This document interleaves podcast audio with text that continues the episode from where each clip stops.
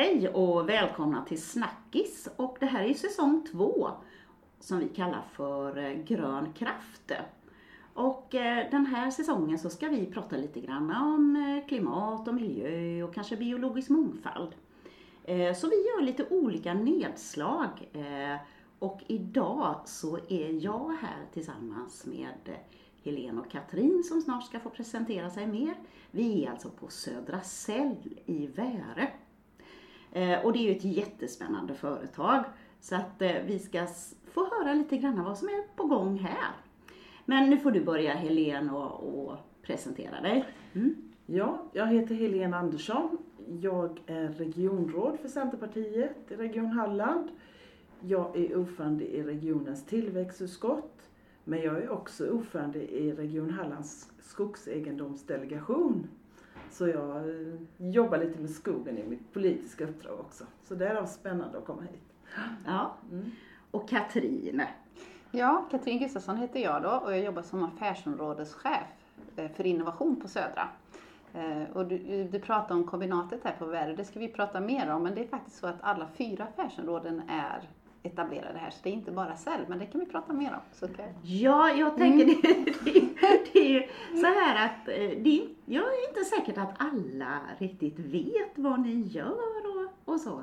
Nej. Så det tycker jag ska bli jättespännande och jag vet att för kanske drygt ett år sedan så hade jag möjlighet att, att vara här när vi hade besök utav några av våra riksdagsledamöter mm. och då tror jag att du var med också. Ja, det stämmer. Mm. Och då, då berättade ju ni om många olika delar och, och det här kanske, jag tänker så här att den här fabriken vet jag eh, använder ju en del, hel del el förr i tiden. Mm.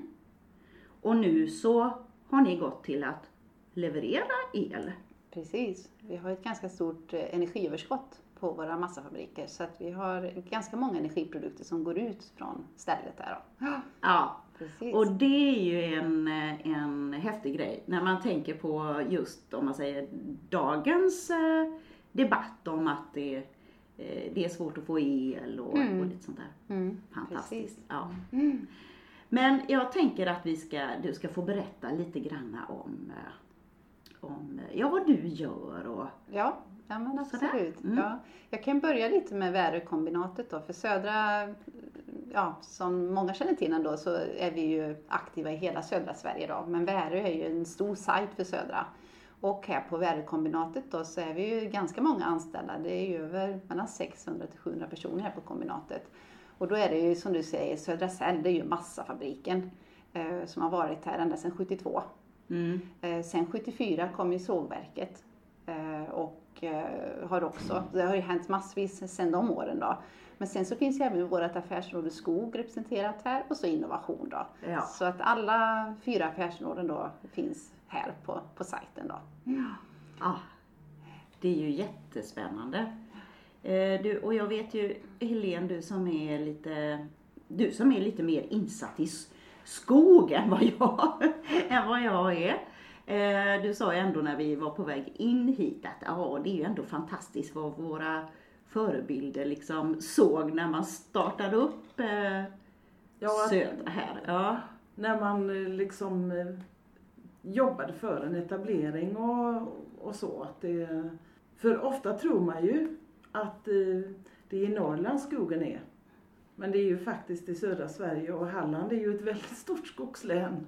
Ja. Eh, alltså vi har ju nästan 50 procent av våran areal är ju skog i Halland ofta tänker man ju på kusten men att det är ju faktiskt så mm. mycket skog. Ja. Och därav också att det finns mycket träindustri och, och um, fabriker kopplat till trä och, och utveckling kopplat till trä här. Mm. Så att det, men just den här historiska bakgrunden, det är häftigt. 72 är, mm. ja, det, mm.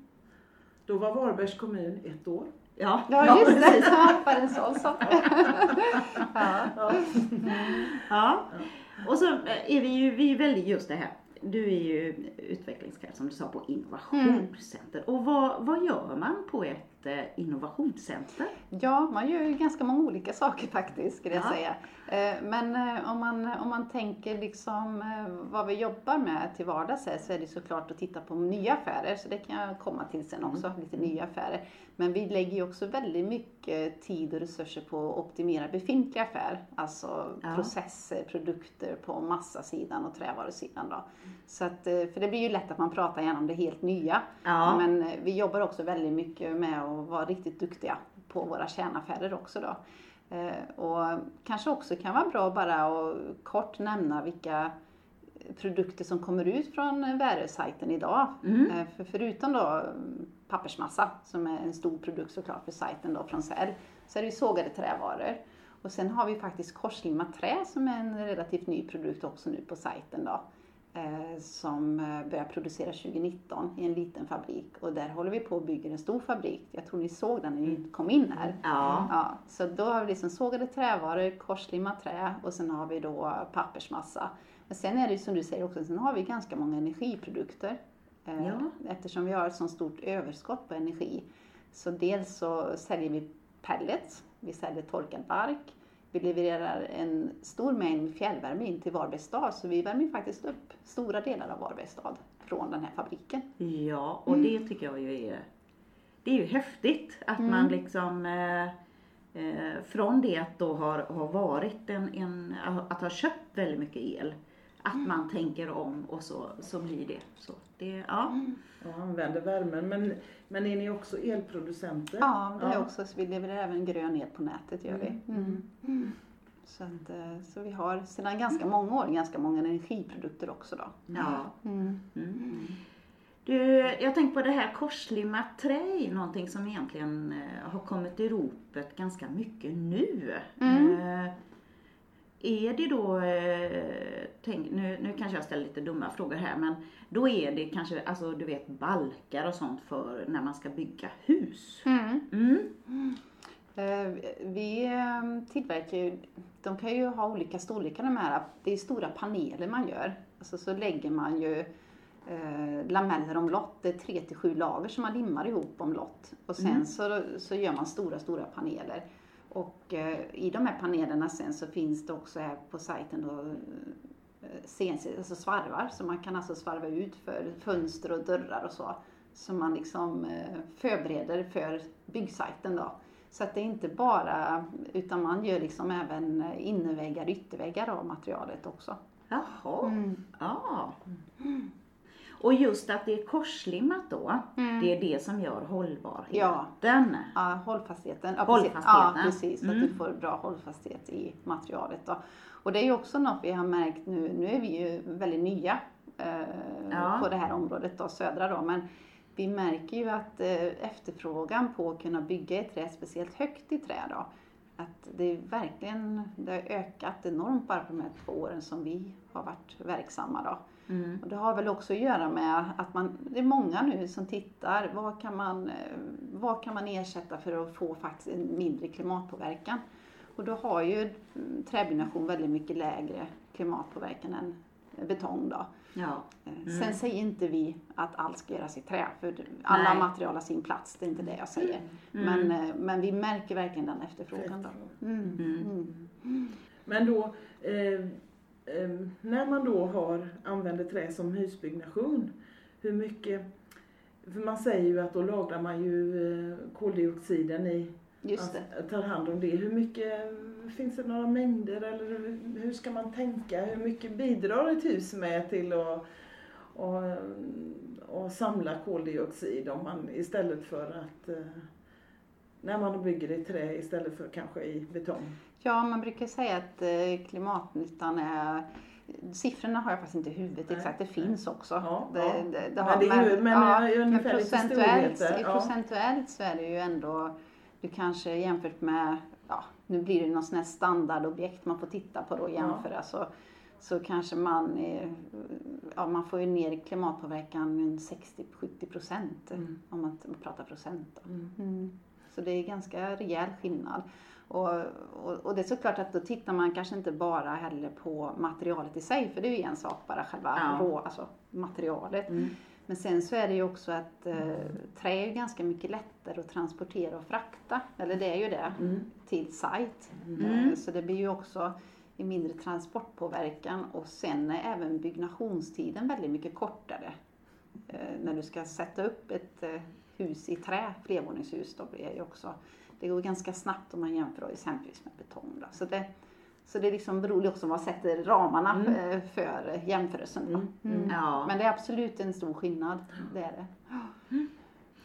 Och jag tänker det har, det har ju kommit väldigt mycket i ropet nu just med det här att eh, eh, vad ska man säga, Cementa inte kan, ja, eller kunde ha problem med att bryta, tänker Mm. jag på. Så det, det innebär väl också att man, att det är många som börjar titta på, för här får vi, den cementen vi har, får vi kanske eh, verkligen prioritera och ta hand om sådana saker som där den måste, måste vara.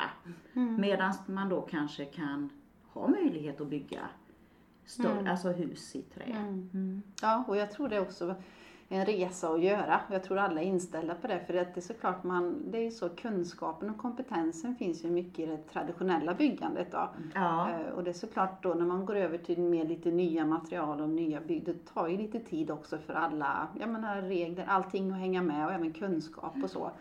Eh, Och, men jag tycker det är positivt för det är ju väldigt många, tycker jag, städer, kommuner, men speciellt städer eh, som liksom går före eh, Mm. och säger att vi ska ha en stor andel av nybyggnationen i trä.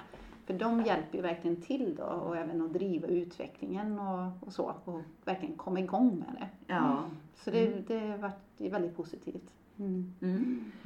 Men då blir jag lite vän av ordning där. Mm. Att det fanns ju, vi byggde ju trä förr.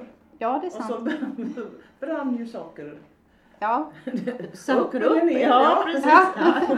Och så byggde man i något annat sen.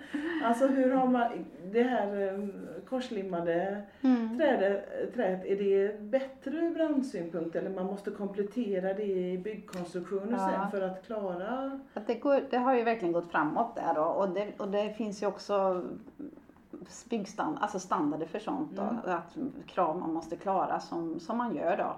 Sen är det ju också så man det här är absolut inte mitt expertområde just brand men, men det är inga problem med dagens eh, teknik och material. Då. Och tänker man efter också i en stor byggnad, eh, man har trä så förkolnar ju det lite på ytan så.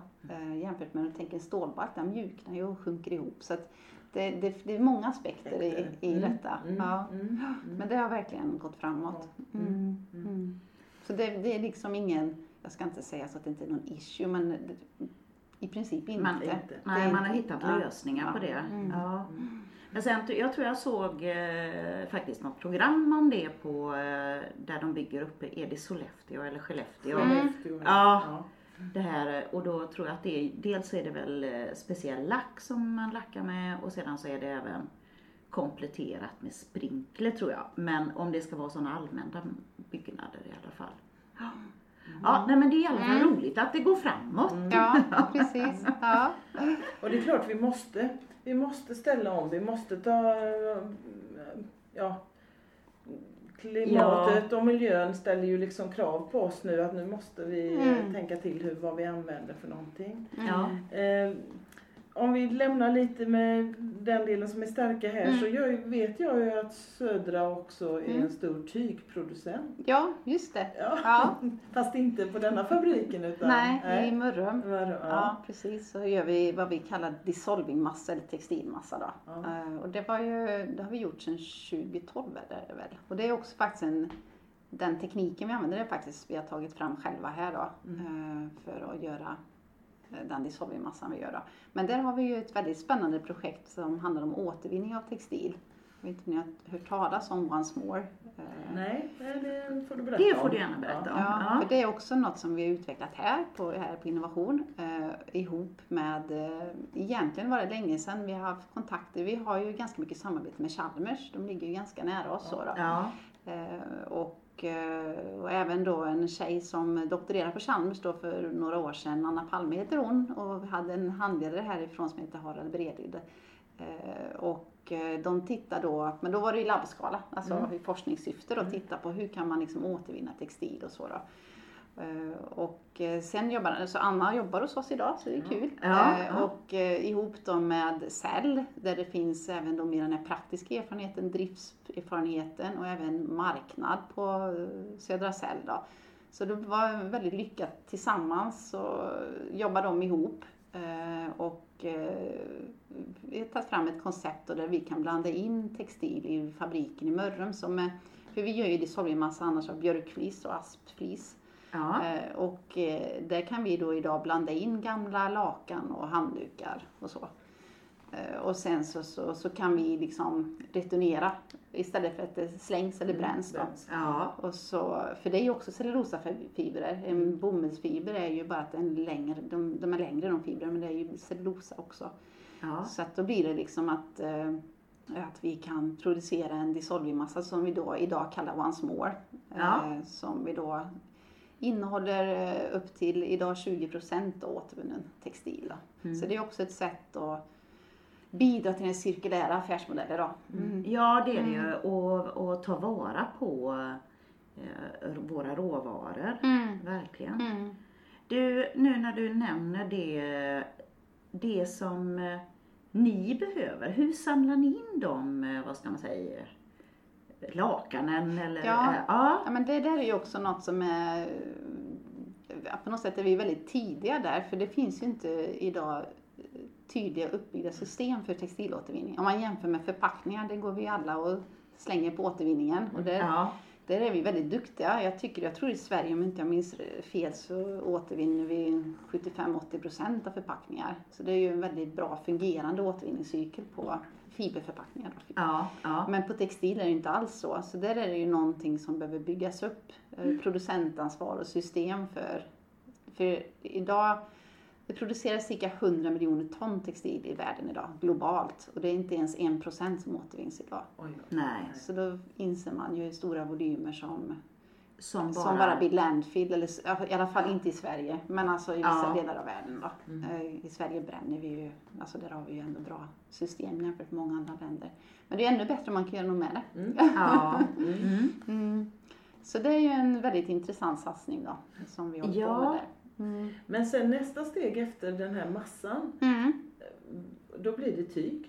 Ja, för vi gör ju bara alltså, råvaran. Råvara, ja. Sen så går det ju vidare, så det är ganska lång värdekedja i, i textilkedjan.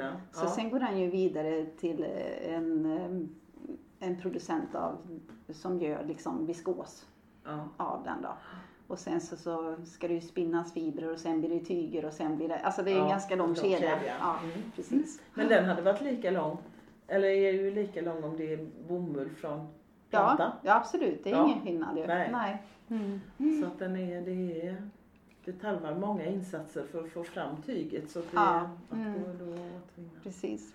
Så vi, men vi har um, kontakter bland annat med tvätterier och sådär som vi har samarbete med då för att samla in. Mm. Eh, Men det är mycket kvar att göra på Mm. råvarusidan.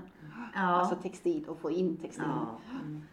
Och jag, för där är ju också ett arbete som, som man kan göra i kommuner och regioner kanske. Mm. Eh, Så det är ju någonting som man kan eh, försöka börja fundera på hur man skulle kunna hjälpas åt där. Mm. Och det är, tvätterierna är ju viktiga utifrån ett regionalt perspektiv. Så Ja. av sjukvården så är det ju tvätterierna som Just det. ofta har i uppdrag att, att också sortera ifrån det som är trasigt och Mm. ehm, alltså se till att det är fräsch, Fräsch Ja, men det är stock klart, på ja. kläder, Mm. sjukhuskläder och så. Mm. Både personal och, och eh, till patienter. Ja. Mm. Mm. Men det är mycket annat. Det är ju operationsdukar och ja, det är ju jättemycket som används. Mm. Ja. Eh, Ja, det, det är klart att ofta är det, ju- blir det väl kanske som så att det är företag eller, eller eh, regioner så som går före. Sen, men sen har vi ju alla, alla privata, alltså Mm. eh, personer, privatpersoner som använder. Mm. Precis. Mm. Och jag tror också i och med att det kommer mer, om man tittar på EU-lagstiftning och så, så det kommer. Det är Mm. liksom, det är liksom inte om utan det är bara när det blir storskaligt. Alltså Ja, just att det det. kommer. Och, Mm. Men det är såklart det är bra att alla är med och hjälper, alltså att man har system för det. Och Ja, tänkt till i förväg är ju, det är ju bra. ja, precis. Ja. Mm. Eh, Ja. Men sen, har jag hört någonstans Mm. att ni också återanvänder eller funderar på de restprodukter som ni får i er tillverkningsproduktion. Hur ni Mm. använder, eh, ja, du får beskriva det mer men eh, Ja. att ni ska ha så lite eh, restprodukter som möjligt. Ja, eller? ja, men på något sätt, vi, som, vårat, alltså, vi har ju ändå ett uppdrag på något sätt att skapa, vad ska man säga, skapa mest värde av varje fiber Ja. egentligen ju Mm. från trädet. Mm. Alltså, Mm. eh, och då såklart att eh, timret, det, det går ju in i sågat och även i korslimmat trä och så, så har vi pappersmassan och så då. Men sen så faller det ju i vissa biströmmar från våra processer. Eh, och, och där tittar vi ju ganska mycket då. Vad kan man göra av det mer än vad vi gör idag då? Mm. Eh, och där hade vi ju eh, exempelvis förra året så invigde vi ju våran biometanolanläggning i Mönsterås på det bruket. Ja. Och det är ju en ny produkt då. Mm. Och, då, och det handlar ju om att eh, för varje ton pappersmassa vi kokar så faller det ett visst antal kilo metanol, råmetanol då. Mm. Och där har vi då tagit fram en teknik att kunna rena den eh, och kunna sälja den då antingen som Mm. ett drivmedel eller också till kemikalieindustrin går det att sälja den. Ja. Men det är ju en, en helt ny, det är första gången det byggs. Ja. Eh, Så det är ju helt nytt i kommersiell skala då. Mm. Så det är ju ett exempel på, för den, det var ju inte så att vi bara slängde bort den förut utan vi gjorde ju, den brändes i sodapanna mesugn så vi fick ju ångenergi av den. Så Mm, det, ja. vi, det var ju, Mm. men nu har vi ändå förädlat det lite mer så Mm. att, eh, att vi kan plocka ut den då. En, en ökad förädlingsgrad på den strömmen. Då. Så det är lite så vi tänker, så det var ett exempel. Då. Ja.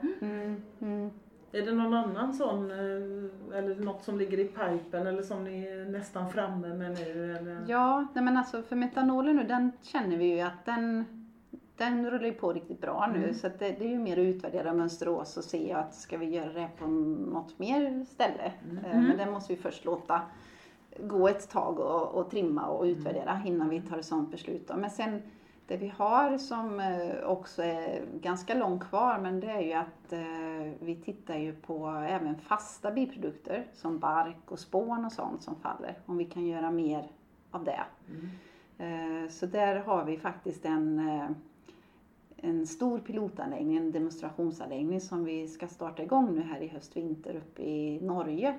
Eh, Den ligger i Tofte, för det hade ju Södra ett massabruk förr i tiden som såldes då för ett antal år sedan. Då. Ja. Och på den sajten ihop med norska Statkraft eh, så har vi byggt en demonstrationsanläggning där man då, där man då från fasta eh, biprodukter kan göra en biolja. Mm. Eh, som också då kan gå till biodrivmedel men Mm. också eh, på många års sikt skulle det även kunna gå till kemikalieindustrin och så också. Då. Ja. Men där är vi ju, där har vi fortfarande utvecklingsarbete kvar då.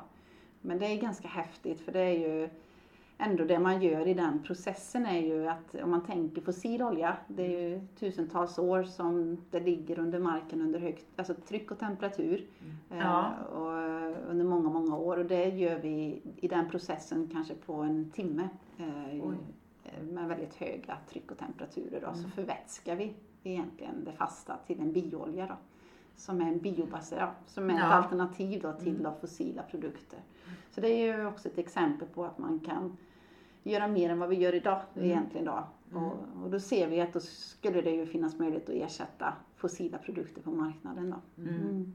Så det skulle kunna gå att använda det till att göra burkar eller allt eh, sådana saker också som vi använder plaster till idag? Ja, på, på lång sikt Sikt. så tror jag det. För nu är vi, vi, vi ser det i lite olika tidshorisonter då. Mm. Först och främst lyckas med att få fram bioljan och drivmedel där det finns en Mm. betalningsförmåga och så Mm. också då. Mm. Eh, Men även då, som du säger, på ännu längre sikt så kan man absolut tänka sig även att det kan gå till sådana material och, och kemikalier och plaster och så, bioplaster. Ja, nej men det är, ju, det är ju jättehäftigt att man tänker att det är så det finns sådana enorma vad ska man säga, utvecklingsmöjligheter eh, i trä. Mm. Mm. Ja, det är en eh, fantastisk. Ja. Vi har ju inte Produkt. pratat förpackningsmaterial och Mm. så. Det, Ja. För det är ju också sådär att ersätta Mm. plastmaterial med, med papper. Mm. Också ett väldigt viktigt område. Så. Mm. Nu, nu är ju Södra, vi är ju en, eh, en råvaruproducent till förpacknings, eh, alltså konverterare. Så, Ja, men absolut, eh, det finns ju fortfarande idag väldigt många plastförpackningar som i framtiden absolut skulle kunna ersättas av fiberbaserade. Då. Mm. Så det är ju också en, ett viktigt område. Mm. Jag tänker på just det här pappersmassan då som ändå mm. kanske är en, en utav era grundprodukter mm. eller så. Ja. Eh, vart, eh, för det går ju en hel del på export och så. Mm. mm. Jag skulle säga nästan egentligen jag skulle säga allt vi producerar, massa och trävaror, det är ju mer än 80 procent. Det mesta exporteras ju. Och jag skulle säga Europa är den största marknaden för massa. Men det går även lite utanför Europa, exempelvis Kina då. Men, eh, ja. men Europa främst då. Har det varit nå, nu när det har varit liksom pandemi och så, har det mm. varit problem liksom med själva... Ja, men det är, faktiskt, det är faktiskt något vi har pratat om och även med andra, andra i branschen. Så, ja, ja. Att eh, den här pandemin som bransch var vi väldigt robusta. Ja. Vi påverkades väldigt lite. Sen så har det såklart varit utmaningar för alla företag med och, ja, ja, och liksom även med personal och smittspridning och allt mm. sånt där. Men, mm. Men alla våra kedjor, alltså logistikkedjor med råvaror och insatsvaror och så, det har fungerat jättebra. Vi har egentligen mm. i princip inte haft några problem alls. Nej. Vilket är så väldigt robust måste mm. jag säga. Att det, ett tecken på att det funkar även i sådana kristider, eller man ska säga. Då. Ja. Mm. ja, för jag tänker en del andra branscher blir, ja, de blir jättehårt drabbade och vissa har ju svårt att få liksom, komponenter eller så. Mm. Mycket, ja, som har kommit från Kina och sådär. Så det, ja. Mm. mm. Men det är ju skönt att ni, ni står ja. stadigt. Ja, precis. Ja. För det kanske kommer dyka upp eh, fler pandemier, det vet vi inte. Nej. Vi tänker på ett helt annat sätt nu här. Mm. Mm. mm. Det är före och efter mm. pandemin. Mm. Nej, sen funderar jag på, eh, vi prat, började ju med att prata om den här skogen och, mm. och vi, nu när vi är hos er så kan man ju inte komma runt utan att prata om att det, varit, det är en väldig debatt om skogen. Mm. Hela tiden om man ska bevara, om man ska ska producera mm. och, och, mm. och, vad heter det?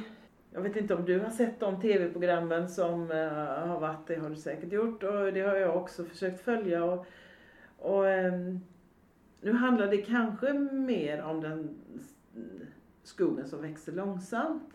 Uh, upplever jag, för att hela skogsutredning och sånt handlar, handlar om, uh, mycket om den långsamt växande skogen. Men här i södra Sverige har vi ju förmåga att ha en väldigt snabbväxande skog. Mm. Mm.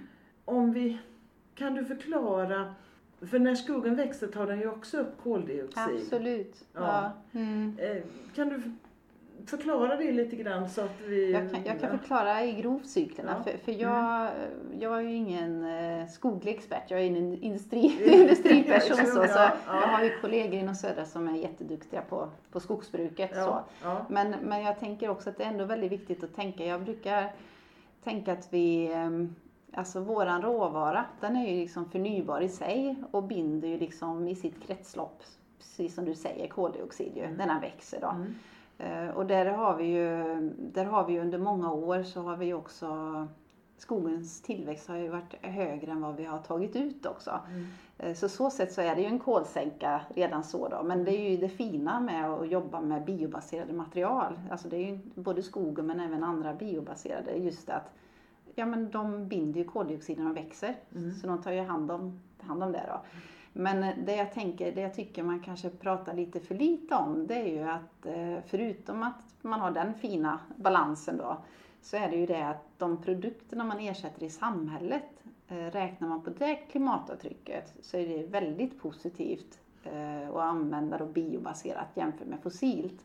Och det pratar man ju inte så mycket om i debatten.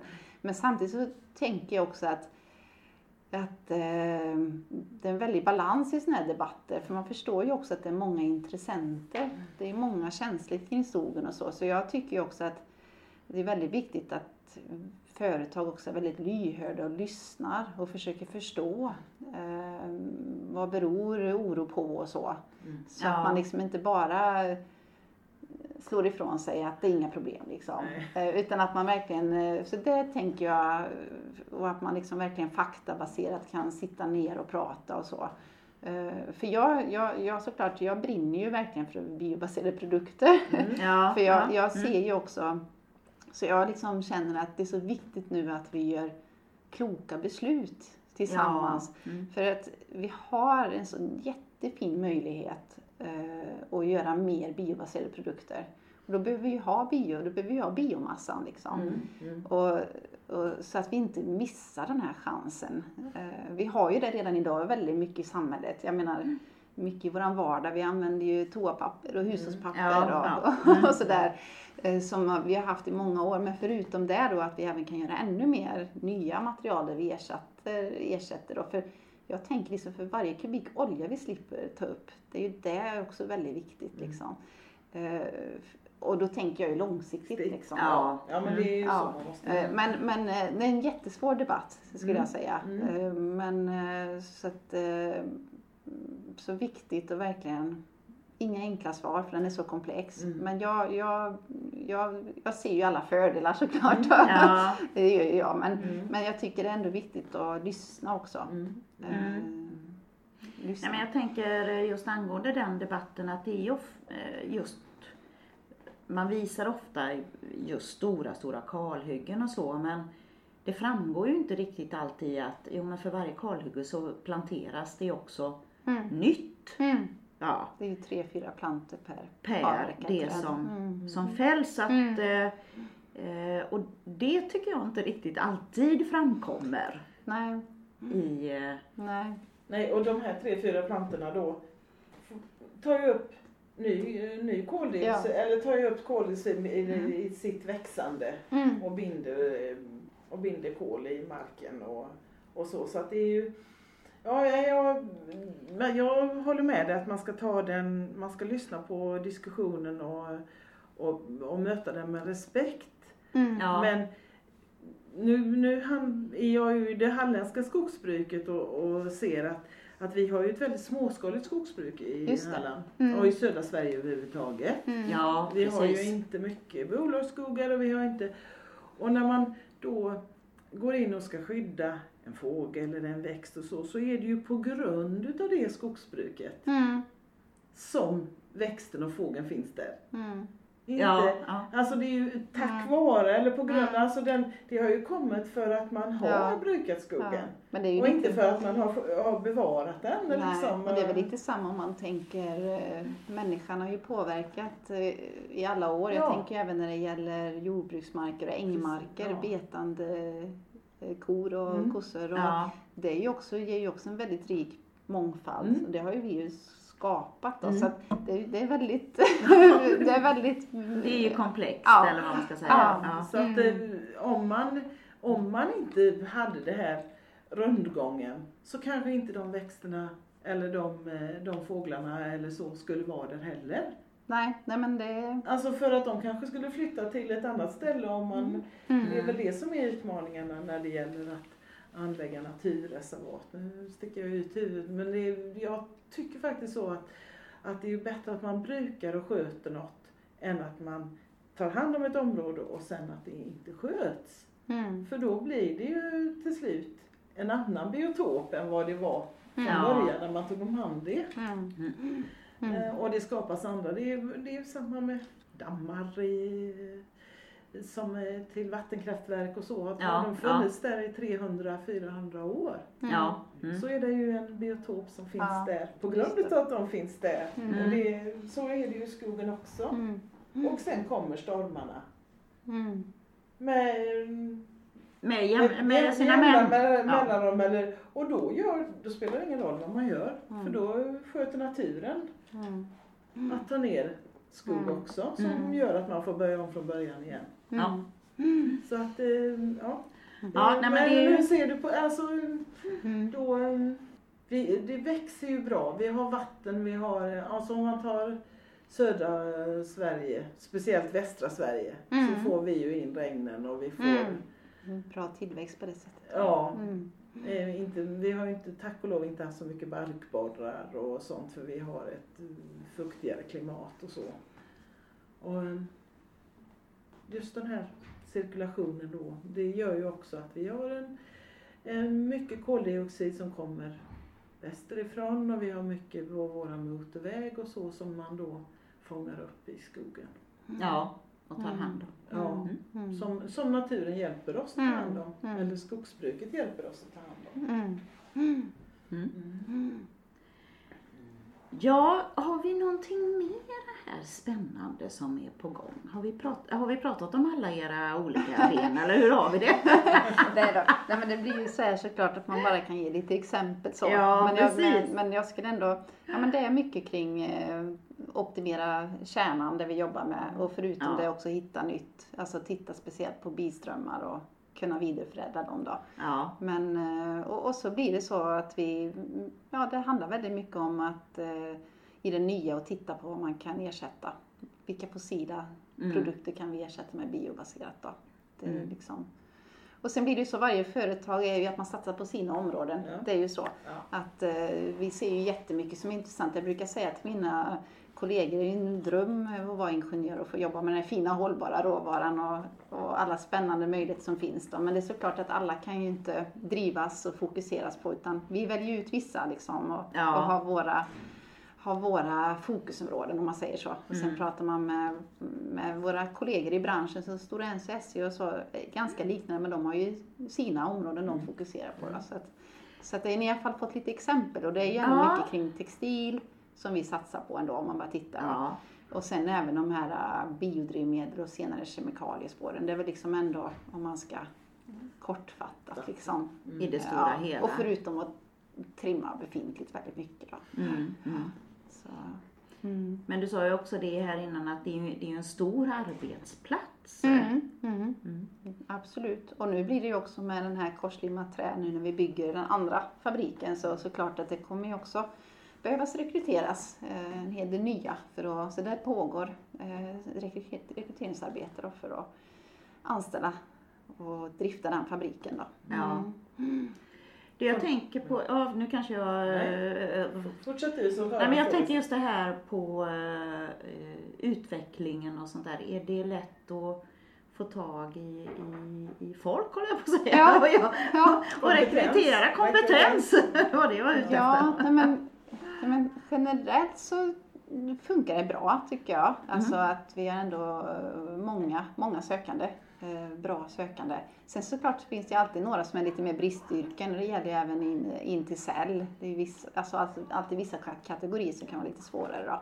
Men generellt så, så har vi rätt många sökande tycker jag. Ja, Jag tror även eh, att eh, här på innovation så är det ju många som kommer från Varbergstrakten runt omkring men sen har vi ju några också som pendlar från Göteborg.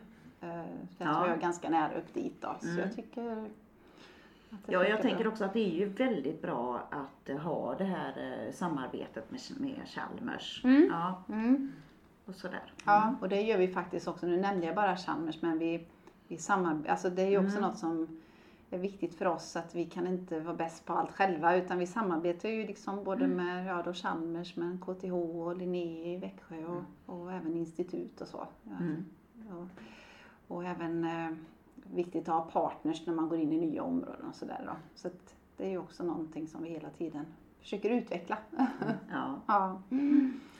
När ni då går in i samarbete, använder ni EUs fonder eller ni finansierar Mm. mycket själva eller? Ja, men vi, har, vi fin- finansierar nog mycket själva. Ja. Men vi har ju varit med och eh, två lite större EU-projekt som vi har fått EU-finansiering då. Mm. Eh, och eh, det var när vi jobbade med såna här eh, fiberbaserade förpackningar. Eh, det kallades för Durapulp det projektet en gång i tiden då. Mm. Men då, och då var det ju EU-finansierat och då var vi ju fler partners i, den, Mm. i, i det projektet då.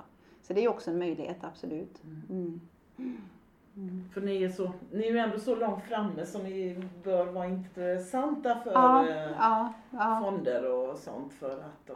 Nej men det är ju jättespännande. Vi har pratat en del här nu men är det någonting mer som vi känner att vi eh, lyfter upp? Helene, har du någonting du Nej men jag, på? min egentligen lite avrundningsfråga eller så som Ja. jag tänker är Ja, Alltså, i de bästa av världar, jag representerar ju i detta sammanhang samhället. Vad skulle vi i samhället eller vad skulle vi i regionen kunna göra? Är vi tillräckligt duktiga på att, som beställare eller som, Mm. eh, alltså om du fick önska fritt, vad, vad skulle samhället göra för att eh, ta, hjälpa till att ta kliv framåt? Ja, jag, jag tror det är ett par grejer som jag bara spontant Mm. kommer att tänka på. Det ett är ju ändå kompetens, att man har en bra dialog eh, med skolor, alltså samarbete just för att, att säkra framtida kompetens så att vi kan fortsätta Ja, och, ja. och utveckla. Så det är ju en viktig del att ha Mm. ett samarbete. Eh, Det är väl det jag främst tänker på. Sen, sen är det ju också såklart eh, som region eller sådär, man kan ju påverka också eh, genom att sätta visioner att eh, nej men vi ska öka andelen träbyggnationer och sådär för Mm. att driva åt det hållet. Det kan ju vara ett sätt att, och även tänker jag också det här med insamling, alltså cirkulära affärsmodeller. Mm. Eh, eh, Det är såklart att man som också tänker till, hur ser det ut hos oss? Hur kan vi bli bättre på att återvinna eh, exempelvis då textil? Eh, Ja. Mm. Eller samla in då. Mm. Eller, så det finns ju lite sådana kanske, lite Mm. sådana frågor spontant. Mm. Ja, det finns säkert fler. Ja, ja. Men hur tänker ni själva Mm. cirkulärt när det gäller, ni är många, ni har många anställda. Mm. Alltså känner ni att ni ligger själva i framkant med, ja, många anställda har ju, ja nästan alla har ju egna eh, kläder eller så. Mm. Har ni, alltså har ni kommit också fram, alltså Mm. blir det samma tanke när ni Ja, ja, men absolut att man även tänker, vi tänker så mycket så resurseffektivt Mm. liksom i, allt, i allt vi gör och så. Men det, det finns säkert mer att göra där också. Mm. Eh, Men, eh, men eh, det, det tycker jag ändå, just i alla våra interna flöden och så, så är det ändå väldigt resurseffektivt, något man har trimmat Mm. eh, ganska länge. Men det kan ju finnas mer för framtiden. Man kan ju också fundera över om det finns eh, strömmar vi har som någon annan kan nyttja också och sådär. Mm. Eh, ännu mer än vad vi tänker idag kanske. Mm. Mm. Mm. Nej, men jag tänkte på det, det är ju ändå intressant för du säger att, att eh, eh, era, eller inte konkurrenter kanske, men eh, man satsar lite grann på olika Mm. produkter. Mm. Och det är ju ändå i en helhet väldigt klokt. Mm. Eh, delar ni med er sen så att ni är generösa och delar med er? Eller är det, är det liksom affärshemligheter? Ja, nej men, eh, nej men det är lite olika områden men just när det är såklart nya innovationer så, då, då är vi ju ganska hemliga av oss. Ja, precis. men, eh, men, eh, så att, det- men är det sådana här samarbete som gäller arbetsmiljö och sådana frågor Ja. så har vi ju oftast ett väldigt öppet klimat och Ja. besöker varandra och, och sådär. Mm. Så det beror lite på frågan. Men just innovation är väl det kanske då. Lite, lite Ja. hemligt. Ja, ja, precis. Ja, men det är ju eran affär så det är klart att det, ja, ja. Så, så det, det är fullt förståeligt. Mm. Ja, nej men jättebra. Eh, det, om det inte är någonting mer som ni känner så här har kommit på att det ska vi prata om också så kanske vi ska runda av. Ja. va? Mm. Tack alltså jättemycket för att eh, vi fick komma hit och få höra lite grann om vad som, vad som händer här på Ja. Södra. Tack själva för att ni kom. Ja, tack ska ni ha. Hej då. Hej!